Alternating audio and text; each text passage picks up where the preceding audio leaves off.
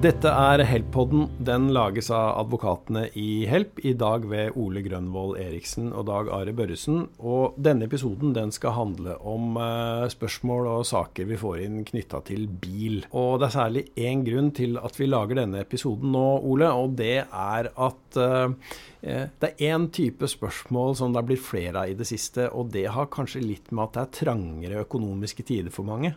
Ja, absolutt. Og det ser vi at uh, da er det gjerne bilen som ryker uh, eventuelt først. Ja. Og spørsmålet er da om man kan komme seg ut av en allerede inngått avtale eller kontrakt. da. Ja, for det er ganske vanlig å inngå kontrakter med, om kjøp av bil, og da snakker vi vel gjerne om eh, litt mer kostbare elbiler som det er litt leveringstid på. Og så oppstår det et eller annet i privatøkonomien som gjør at hm, kanskje jeg ikke burde ha kjøpt denne bilen. Men jeg har jo inngått en kontrakt. Hvor lett er det da å komme seg ut av den kontrakten? Ja, Det er jo ikke nødvendigvis et enkelt svar, men utgangspunktet er at de avtaler du inngår, de er bindende. Ja. Så det betyr at uh, har du bestilt en bil, kjøpt deg en bil, skal få den om x antall måneder frem i tid, så mm. er du bundet av den. Og da må du overta den bilen når den bilen faktisk kommer. Ja. Eh, så jeg kommer meg i utgangspunktet ikke ut av den avtalen der. Men så vet vi jo at eh, det har i hvert fall vært sånn at det har vært store forsinkelser på, fra leverandørene av disse bilene. Kan det komme meg til noe hjelp i det tilfellet her? Eh, innimellom så kan det komme til tilfelle, men her har forhandlerne lært at de setter ikke en konkret dato lenger i disse kontraktene når det er snakk om levering langt fram i tid. Så der har de innsett at ved å sette konkrete datoer, så kan det eh, medføre at man kan lettere komme seg ut av avtalen. Um, så det man da ser, er jo sant, for forbrukere som tar kontakt med oss og spør om det er noen mulighet for å komme seg ut på andre måter på andre måter. Ja. Eh, hva kan det være, da? Eh, det vi ser, er jo at mange stiller spørsmål om dette med avbestilling. Er det mulighet å avbestille, eller forhandle krever da at jeg betaler 10 mm. uh, som et avbestillingsgebyr? Det vil alltid være mulighet til å avbestille, men da vil det fort være at forhandler kan kreve et uh, gebyr. Det er normalt regulert i avtalen med forhandler også, og det står uh, et sted sikkert med liten skrift langt ned, at da vil det påfalle et gebyr på mellom 8 og 10% på bilens verdi. Ja, Og det er eh, kanskje heller ikke noe jeg så lett kan krangle på? Nei, det vil det ikke være. For dette har jeg signert på, og så tenkte jeg kanskje ikke så nøye over det da jeg signerte. Nei, da er man vel først og fremst opptatt av den bilen man skal kjøpe, med det mm. eventuelt tilleggsutstyret og sluttsummen. Og fokuserer ikke på så mange av de eh, punktene lenger ned, og spesielt ikke med avbestilling, for man skulle jo ha denne bilen. Nei, og det kjedelige er jo også da at hvis uh, bilen blir forsinka, som den jo i hvert fall i mange tilfeller er blitt, så er også kontraktene utforma sånn at de tar høyde for at bilen kan bli forsinka. Ja, de har tatt høyde for at bilen kan uh, bli uh, forsinka, både med det ene og det andre. Det kan være produkt, eller mangel på eh, deler. Eh, men da er det utforma på den måten at det er veldig generelle leveringstider, som også gir forhandler mulighet til å forlenge den leveringstiden ytterligere. Ja.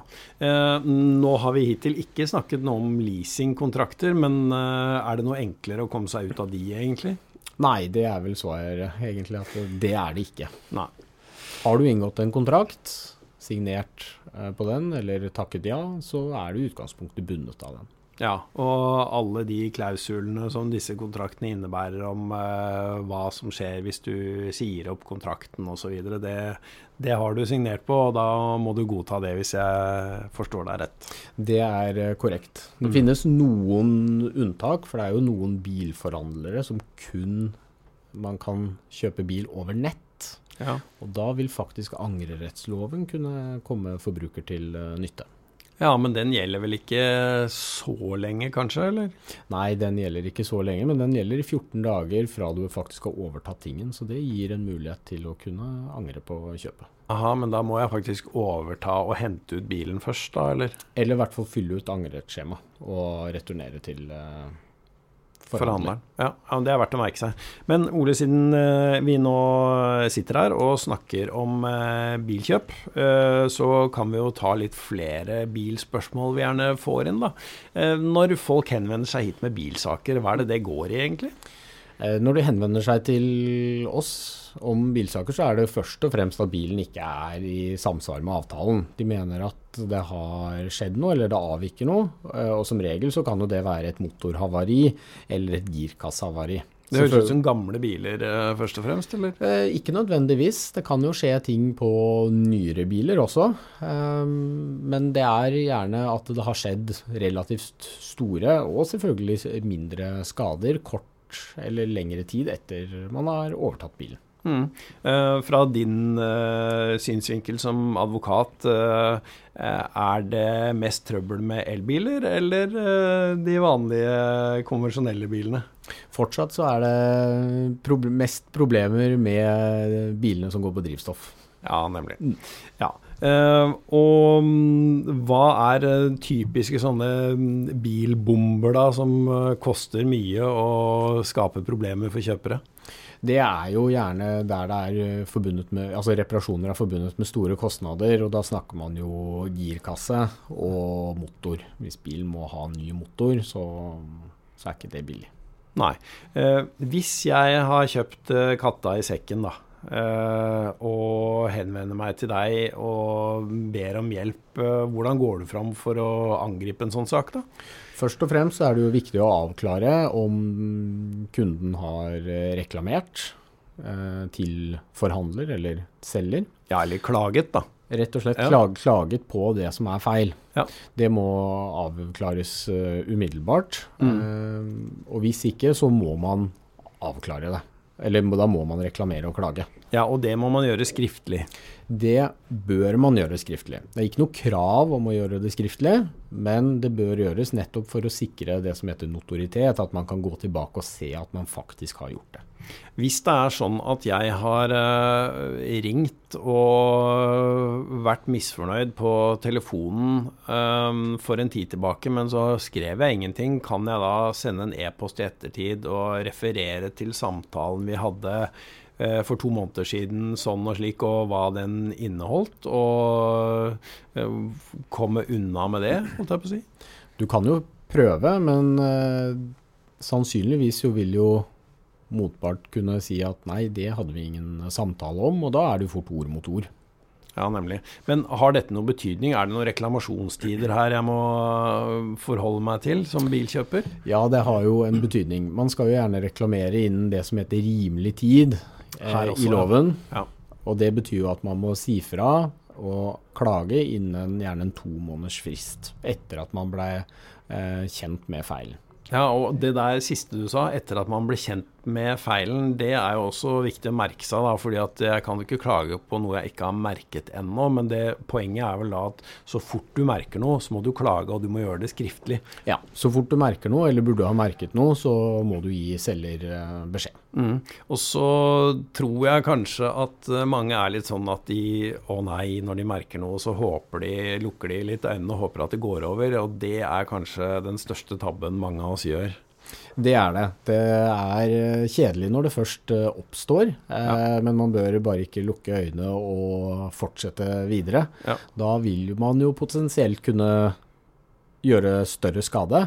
og det er det ikke nødvendigvis selger har ansvar for. Mm. Da kan kjøper selv ha ansvar for eventuell ytterligere skade som følger av at man ikke tar det seriøst, eller eventuelt hører på fagfolk. da. Nei, det er verdt å merke seg. Og eh, en annen ting da, som, eh, en annen felle som jeg tror man kan gå i, er at jeg er jo ikke bilmekaniker, så det er jo slett ikke sikkert at jeg skjønner hva som er eh, galt med bilen. Eh, det er veldig sannsynlig at jeg ikke forstår det, men jeg bare merker at noe er feil. Og så venter jeg eh, med å kontakte den som har solgt meg bilen, inntil jeg skal prøve å finne ut hva det er. Og det er vel også en tabbe, er det ikke det? Jo, det kan også være en tabbe. Så det viktigste er jo med en gang du avdekker en ulyd, en dunkelyd, eller så hva det nå enn skulle være, at man gir beskjed. Ja. Så får man heller komme tilbake og eh, gi informasjon litt mer spesifikt i ettertid, når man har fått sjekket det ut. Ja, så får man heller fremstå litt dum, da. Og du må jo gjøre det skriftlig òg, så det, det være skriftlig dokumentasjon på at du kanskje ikke har peiling på bil.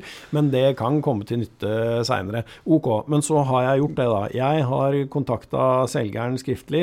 Jeg har sikkert både ringt og skrevet en mail om at uh, her er det noe gærent. Det er noen dunkelyder, eller det skriker, eller det skjer et eller annet.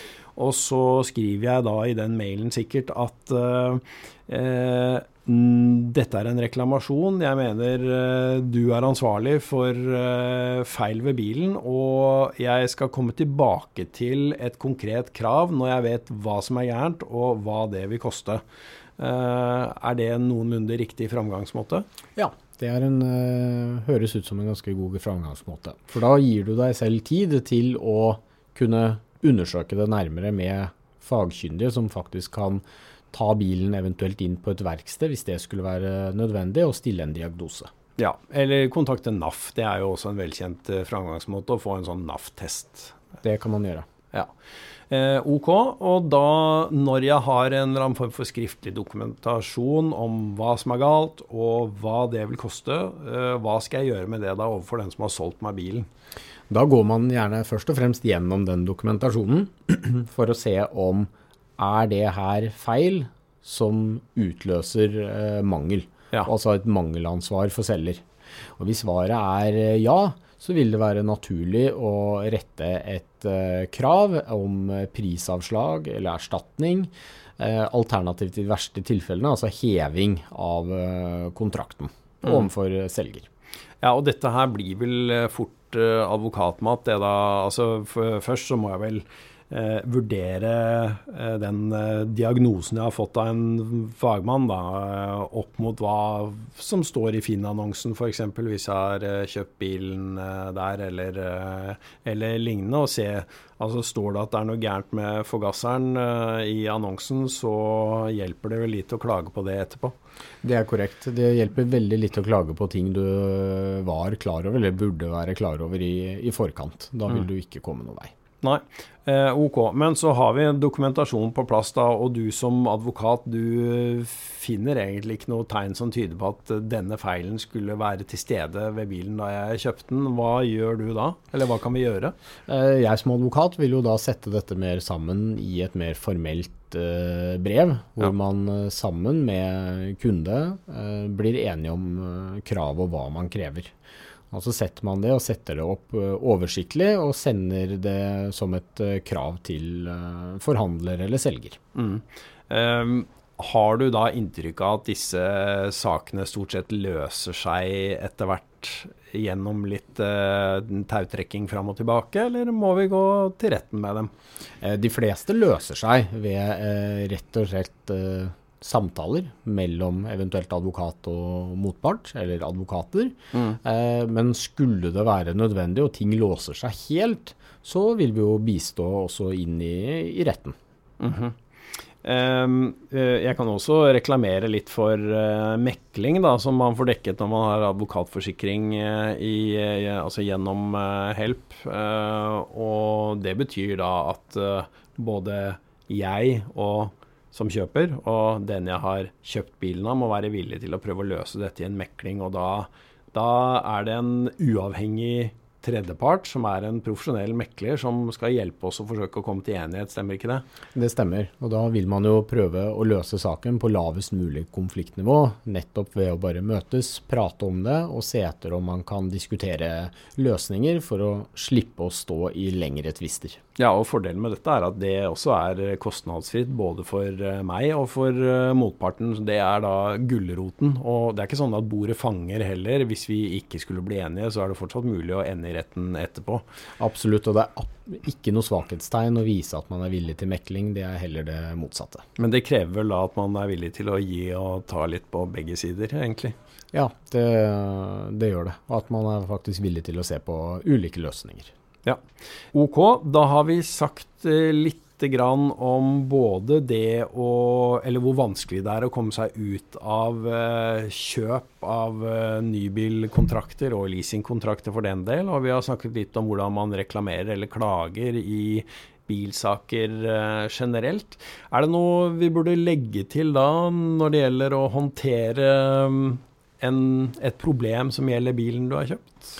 Eh, det gjelder nok først og fremst å prøve å ha en nøytral tone eh, hvis du selv tar kontakt med selger eller forhandler, mm. eh, og man ser at de, i de tilfellene man blir litt uh, irritert og hissig, så er dessverre ikke det med på å løse konflikten, men heller uh, motsatt.